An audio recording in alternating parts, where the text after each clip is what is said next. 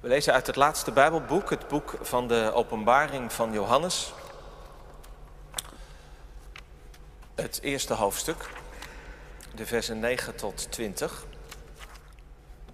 Het is eigenlijk de openbaring van Jezus Christus aan Johannes, de apostel of een profeet uit de eerste de gemeenschap van de eerste christenen in de provincie Azië, wat nu de westkust van Turkije is. En nou, het boek Openbaring, wie het kent, die, uh, die weet, boek vol visioenen, wilde beelden. Het begint met het visioen van Christus zelf. En daar wil ik uh, vanmiddag naar kijken. En ik hoop dat we allemaal er iets van zullen zien. Openbaring 1, vers 9. Ik, Johannes, uw broeder, die net als u in ellende verkeer, maar ook door Jezus met u deel in het koninkrijk en in de standvastigheid. Ik was op het eiland Patmos, omdat ik over God had gesproken en van Jezus had getuigd. En op de dag van de Heer raakte ik in vervoering.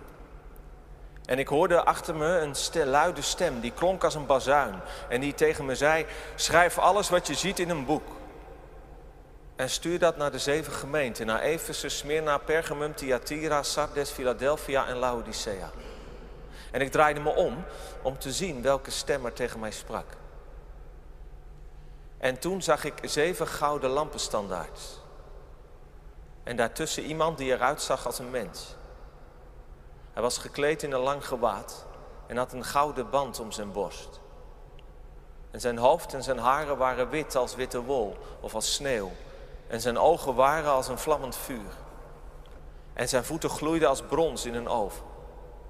En zijn stem klonk als het geluid van geweldige watermassa's. En in zijn rechterhand had hij zeven sterren. Uit zijn mond kwam een scherp tweesnijdend zwaard. Zijn gezicht schitterde als de felle zon. En toen ik hem zag, viel ik als dood, dood voor zijn voeten neer. Maar hij legde zijn hand op me en zei: Wees niet bang. Ik ben de eerste en de laatste. Ik ben degene die leeft. Ik was dood, maar ik leef. Nu en tot in eeuwigheid. En ik heb de sleutels van de dood en van het dodenrijk. En schrijf daarom op wat je gezien hebt, wat er nu is en wat hierna zal gebeuren. En dit is de betekenis van de zeven sterren die je in mijn rechterhand zag en van de zeven gouden lampenstandaards. De zeven sterren zijn de engelen van de zeven gemeenten en de zeven standaards zijn de zeven gemeenten zelf. Zalig ben je als je het woord van God hoort en het bewaart. Gemeente van Jezus Christus, thuis en hier in de Jacobi. Je zou misschien wel iets willen zien. Zien van wat het nieuwe jaar ons brengt. Zal het het jaar zijn dat de coronapandemie langzamerhand, langzamerhand uitdooft? Of toch nog weer niet? Of hoe zal het gaan met hem of haar, in je familie of je vriendenkring?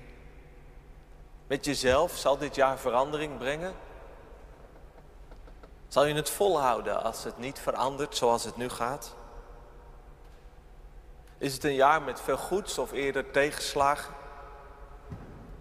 En dat koninkrijk van God, waar we altijd weer om bidden met het Onze Vader, laat uw rijk komen. Zal het komen?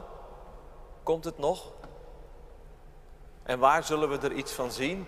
In onze harten, in onze huizen, op onze vereniging, hier in de kerk, in Utrecht, in de wereld. Juist in spannende tijden heb ik het gevoel, verlangen we er naar dat we even iets, al is maar even iets, zullen zien van dat rijk van God. En regelmatig hoor je onder christenen over de eindtijd.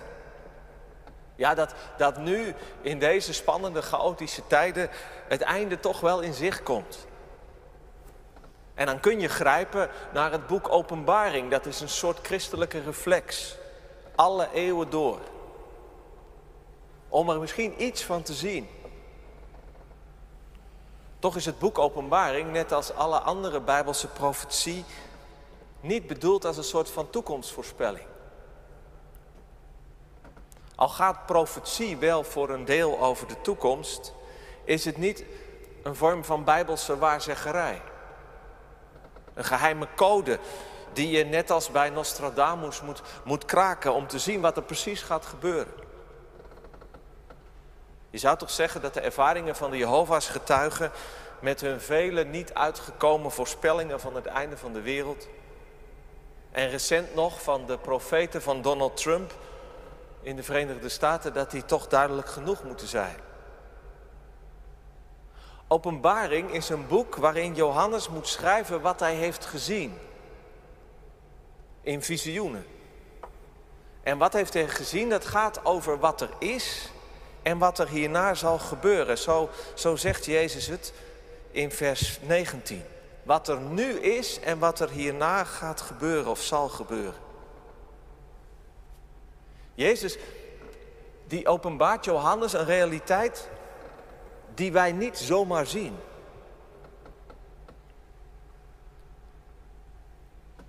Wat er speelt aan oordeel en, en kwaad, maar ook wie er in controle is en waar het uiteindelijk op aangaat. En die openbaring die komt niet voor niks in beelden. Beelden waarin eigenlijk het, de hele profetie van het Oude Testament weer in wordt, wordt, wordt uitgeknepen als het ware. Al die profetische woorden die worden weer opnieuw opgenomen en die worden in de eerste plaats actuele woorden voor de tijd van, van Johannes. Eind eerste eeuw, begin tweede eeuw na Christus voor die christenen in het Romeinse Rijk. En ze zijn profetisch omdat ze ook nu weer opnieuw kunnen gaan oplichten. Als wij ze met de verbeeldingskracht en de inspiratie van de geest lezen voor nu. En al komen er geheimzinnige dingen in voor. Die visioenen zijn dus niet een code of een puzzel om op te lossen. Maar in de eerste plaats zijn het beelden om heel goed naar te kijken. Alsof het een, film is. En die je gewoon maar over je moet laten komen en tot je moet laten doordringen. Bijbelse, krachtige, soms ontzettend wilde beelden over wat er gaande is in de hemel en op de aarde. Nu en in wat er komen zal. En het eerste beeld dat Johannes ziet, dat hem wordt geopenbaard, is misschien wel het belangrijkste. En in ieder geval de basis, het startpunt. En zijn eerste visioen gaat niet over wat er gaat gebeuren, maar gaat over Jezus. Hij ziet Jezus. En ik denk dat dat voor ons, als je gelovig bent, of dat probeert te zijn, dat dat denk ik altijd weer het punt is om bij te beginnen en op terug, terug te komen. Wat er ook op ons afkomt in onze tijd of wat er ook speelt in je leven. Dat je Jezus ziet. Laten we daarom vanmiddag goed kijken. Johannes hoort in de geest, in een geestvervoering, in een soort van, van trance. Hij is in een visionaire ervaring een machtige stem die tot hem spreekt. En die hem een opdracht geeft om, om wat hij ziet op te schrijven. En het begint met de stem die hij hoort, maar hij moet opschrijven wat hij ziet. Dus hij draait zich om om te zien wie dat nu is die met hem spreekt. En dan ziet hij zeven gouden kandelaren. Lampenstandaards, zegt onze vertaling een beetje. Dat is een beetje de wereld van de. Uh, hoe zeg je dat? De tweedehandswinkel, zeg maar. Dus, dus laten we het kandelaar gewoon blijven noemen. De menorahs. Dus hij weet, we zitten in de tempel. Die zevenarmige lamp uit de tempel. Niet één, maar zeven. Dus het is niet de gewone tempel, die waarschijnlijk in Johannes tijd al verwoest was, maar het is een volmaakte hemelse tempel. En er staat iemand die op een mens lijkt. Een menselijke gestalte, een mensenzoon. Met een priesterkleed aan en een gouden gordel om zijn middel. Ja, dus dat is een priester, want anders staat hij niet tussen die kandelaren. En die kandelaren, zo hoort Johannes later, dat staat voor de zeven kleine groepjes christenen tot, tegen, tot aan wie hij schrijft. En je moet je dus even voorstellen, dat, want dat is in eerste plaats bedoeld, dat dit gestuurd wordt naar die, naar die gemeentes. Dus dat het wordt voorgelezen aan die mensen van die gemeente. En, en het eerste wat ze zien in dat grote schrijven wat ze krijgen, is die machtige, heilige priesterfiguur tussen die kandelaren. En later, dat zijn jullie. Jezus staat tussen jullie. Dus zo moet je het voorstellen. Dus op je Bijbelkring, of, of op, op, op het dispuut van je vereniging, of, of op je, je tienerclub, of zoals wij hier samen zitten, of, of, of u, eh, of jij misschien gewoon in je, in je kamer, hoe je, hoe je er precies op bij zit op je bank. Hij staat daartussen. En hij staat daar als een priester, als iemand die bemiddelt tussen de aarde en de hemel. Die bemiddelt door te bidden voor jullie. Die offers aanneemt. Zowel offers van dank als offers van schuldbeleidenis. Die zegent en daarmee zegt, maar God is erbij en God gaat met jullie mee. Ja, dat moet je dus zien. Kijk, wij kijken heel vaak gewoon maar, ja, maar naar onszelf hier op aarde. Wij met ons geloven, met ons zoeken. Ja, met onze blijdschap voor de dingen die goed gaan, maar ook met onze sores. En als het over geloof in de kerk gaat, ook met al het menselijke, soms al te menselijke wat er speelt. En het kan soms zo kwetsbaar voelen. Het leven, het geloof, de kerk. Of soms zo, zo tergend alledaags. En marginaal, zeker in, in, in een grote stad. Maar we zijn een tempel. Het is goud wat hier blinkt. En Hij is er ook tussen ons. En dat is aan de ene kant natuurlijk spannend en kritisch. Want dat zullen die zeven gemeenten, die, die zullen dat merken als Johannes de woorden van Christus heel concreet aan ze doorgeeft. Hij weet wat er speelt. Hij weet wat er mis is. Wat er echt anders moet. Maar hij weet ook wat er goed gaat en daar is hij trots op en bemoedigt hij ze mee. En hij zal ook zeggen waar het op aankomt. Dat ze volhouden. Dus kritisch, maar ook troostend natuurlijk. Maar dat geeft ontzettend moed om jezelf zo te zien. Hij kent ons. Hij neemt het voor ons op. Hij is bezig met ons. En voor ons, de priester. En dan kijkt Johannes nog eens goed naar die, naar die priesterfiguur. Hij ziet meer. En de gestalte van Jezus die hij ziet, komt uit twee visioenen van Daniel. Waarin Daniel in Daniel 7 iemand ziet als een mens in een mensengestalte, een mensenzoon, die bij God, de oude vandaag, op de troon verschijnt.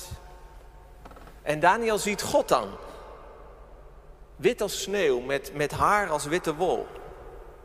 En dat goddelijke gezicht is in Johannes' visioen het gezicht van die mensenzoon, van Jezus. Hij is dus het beeld van God. En het andere visioen van Daniel dat een rol speelt is een verschijning van een grote engel. Gabriel wellicht in Daniel 10.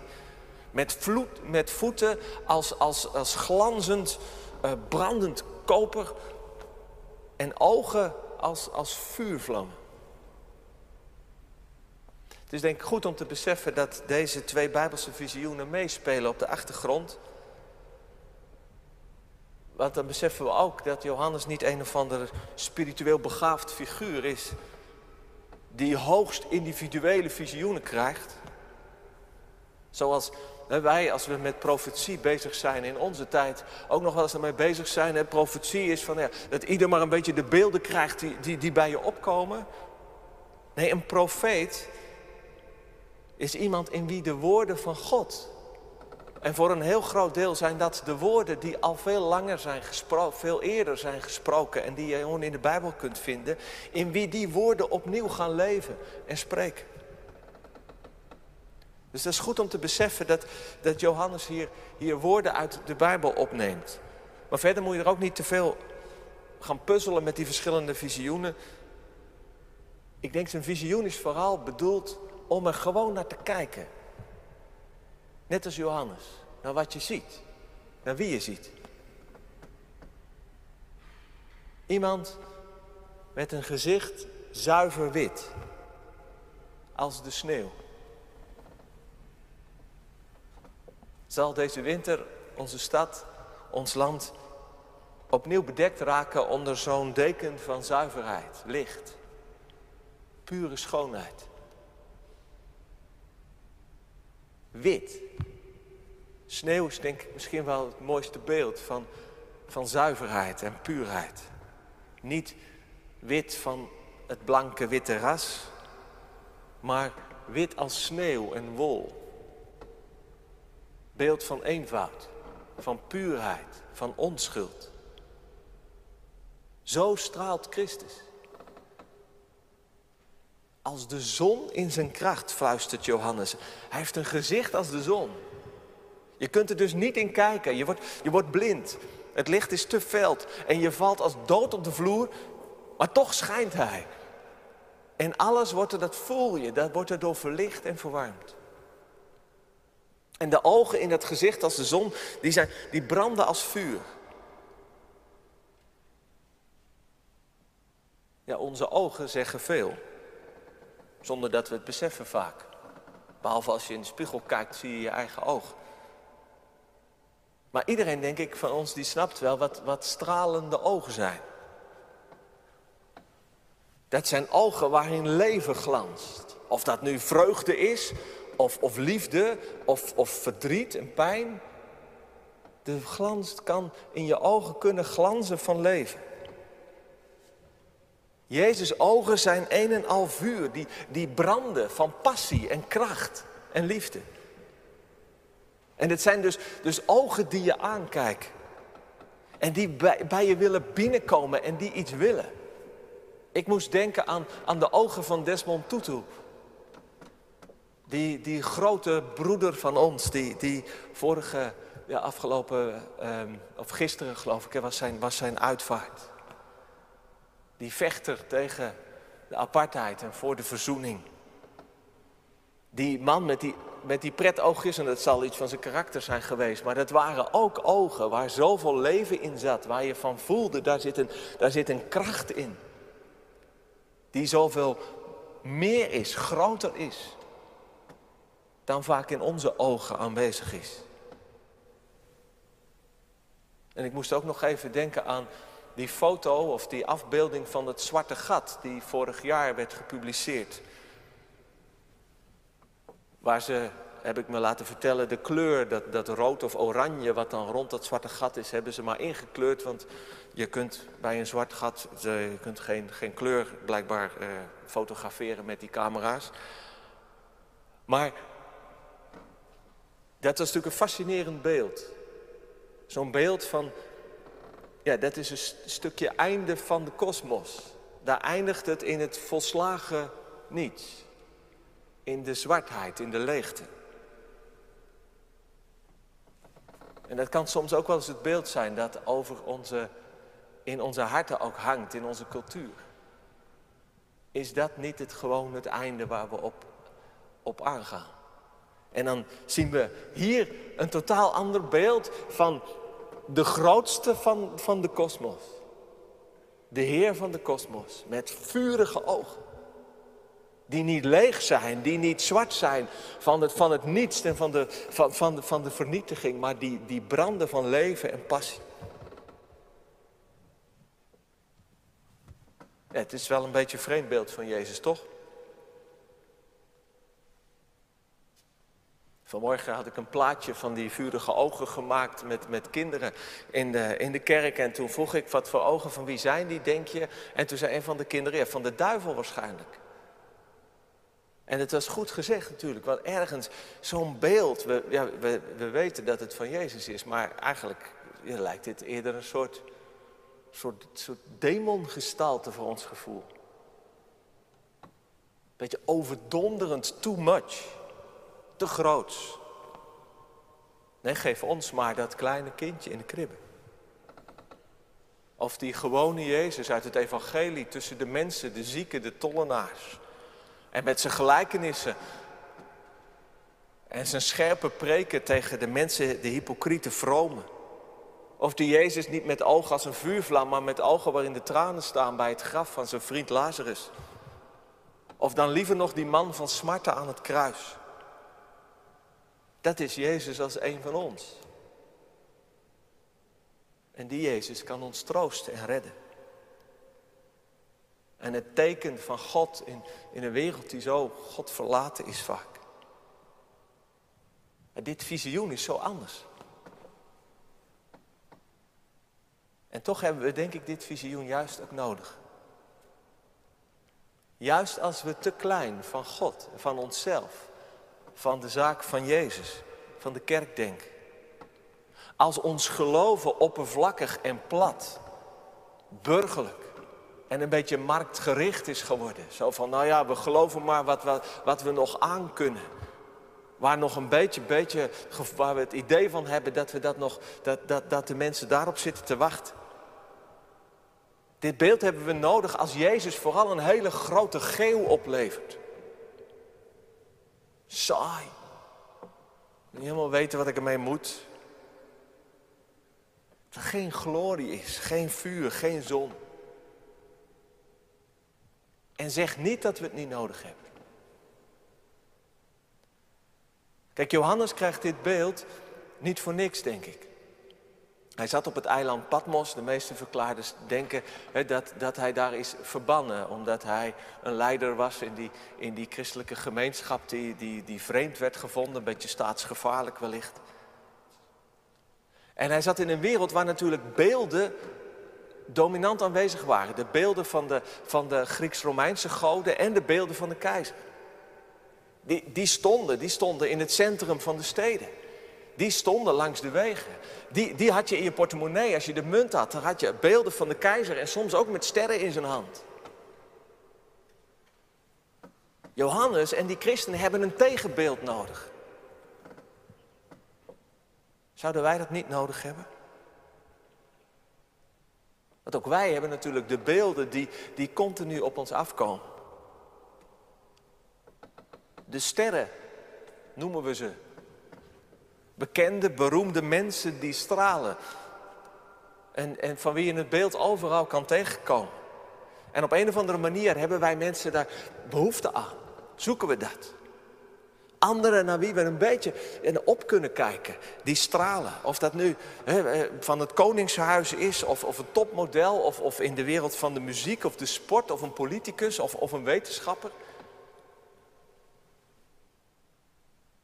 En in onze tijd denk ik ook het beeld van, van het perfecte lichaam. Waar we een nooit eindigend visioen van te zien krijgen.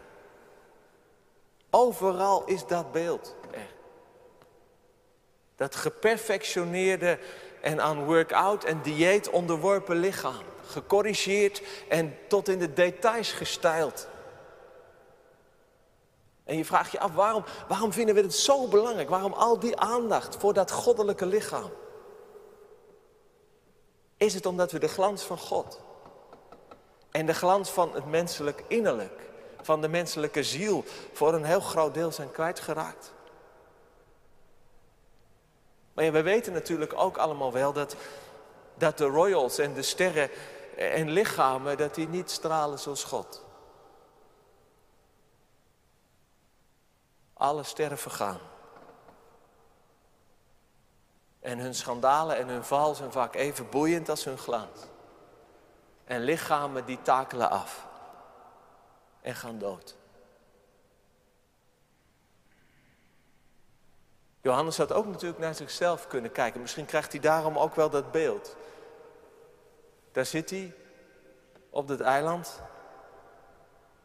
En hij kan naar zichzelf kijken als een mislukt figuur een slachtoffer. Hij, misschien kan hij naar zichzelf kijken als juist een gelukt figuur. Hij is toch maar even een martelaar. Die de uiterste consequentie van zijn geloof ondergaat. En zo kunnen wij ook toch zo met onszelf bezig zijn. Dat je vooral het beeld van jezelf aan het vormen bent. Iemand die, ja, die toch wel een beetje vroom heilig is. Daar zijn er steeds minder van natuurlijk in onze tijd, want vroomheid is nou niet echt hetgene waar je, waar je naar, naar moet jagen. Maar, maar dan, nou ja, dan toch nog een beetje, beetje dubbel. Ergens een soort van wereldbeeld, wereldsbeeld van geslaagd zijn. En ook wel een beetje natuurlijk, ja, als je gelovig bent, ook wel een beetje een beeld dat je, dat je daar ook wel weer, weer iemand bent. Maar ook dat natuurlijk is vaak zo doodvermoeiend naar jezelf kijken. Maar dat hoeft niet, want wij zien Jezus. Tegen al die andere beelden in krijgen we het beeld van de stralende Jezus met vuur in zijn ogen. Met gloeiend bronzen voeten. En een gezicht zo wit en puur als sneeuw. Glanzend als de zon. Als, als de hoogste en, en, en diepste werkelijkheid die ons uitdaagt. Om zelf te stralen en in vuur en vlam te staan. Die ons ook bemoedigt om, om in dit saaie, lastige, angstige en, en vaak ook zoekende, en soms ook zieke leven, te weten dat Hij erbij is. En dan is Hij erbij, ja, klein als het kind in de kribbe. En heel menselijk als de, als de Jezus van Galilea. En hij is er ook bij leidend als die man van Smarta van Golgotha. Maar hij is er ook bij, stralend en levend als de zon. En dat beeld, dat moeten we zien. En dat, dat, dat, dat mogen we aan het begin van het jaar, mogen we ook echt, daar mogen we ons ook echt aan, vastklampen. En misschien moet jij, moet u het, het wel extra vastklampen. Omdat er zoveel is. Dat eigenlijk alles, alles waar je aan vast hebt geklampt, dat, dat dat uit je handen is gevallen. Deze stralende mensenzoon is erbij. Is er ook nog. De eerste en de laatste. Met de sleutels van de dood en het dodenrijk. Ja, hij is dood geweest, maar hij heeft de deur geopend en hij leeft.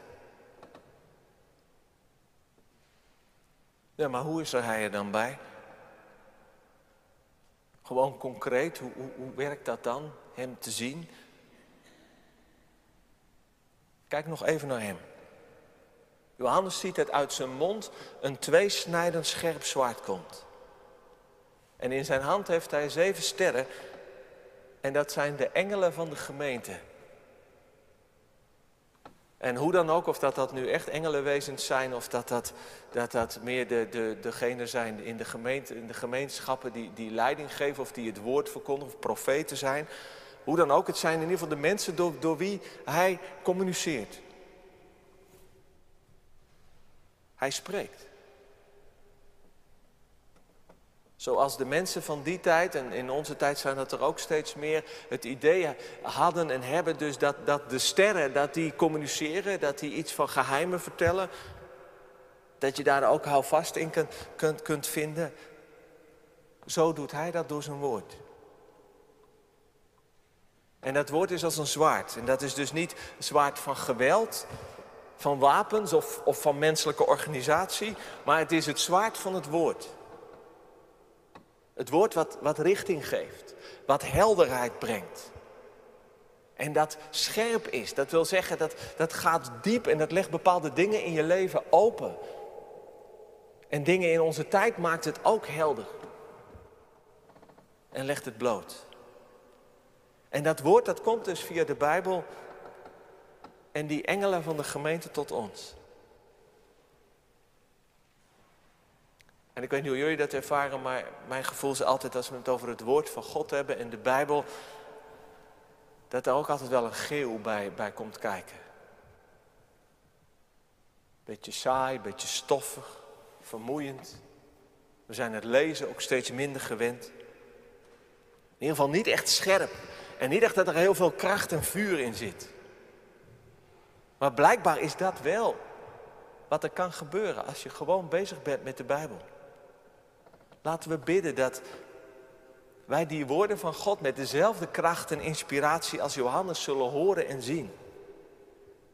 Dat in dat hele gewone waar we mee bezig zijn, eh, in de kerk of, of misschien op je, op je studentenvereniging. Dat gewone wat we doen en dat we moeten blijven doen, altijd maar weer. Dat achter dat gebeuren die glanzende zoon van God staat. Die actief is. Want dit beeld is natuurlijk niet van een Jezus die zomaar wat passief zit te wachten. Nee, dit is het beeld van een held die ervoor gaat. Die vecht tegen de macht van de leugen en de leegte en de duisternis. En die door alles heen wat er gebeurt, de crisis en de oordelen die er alle eeuwen zijn geweest en ook in onze tijd, toch zijn koninkrijk laat komen. Laten we net als Johannes hem zien, zijn woord horen en doorgeven. En voor hem knielen. Amen.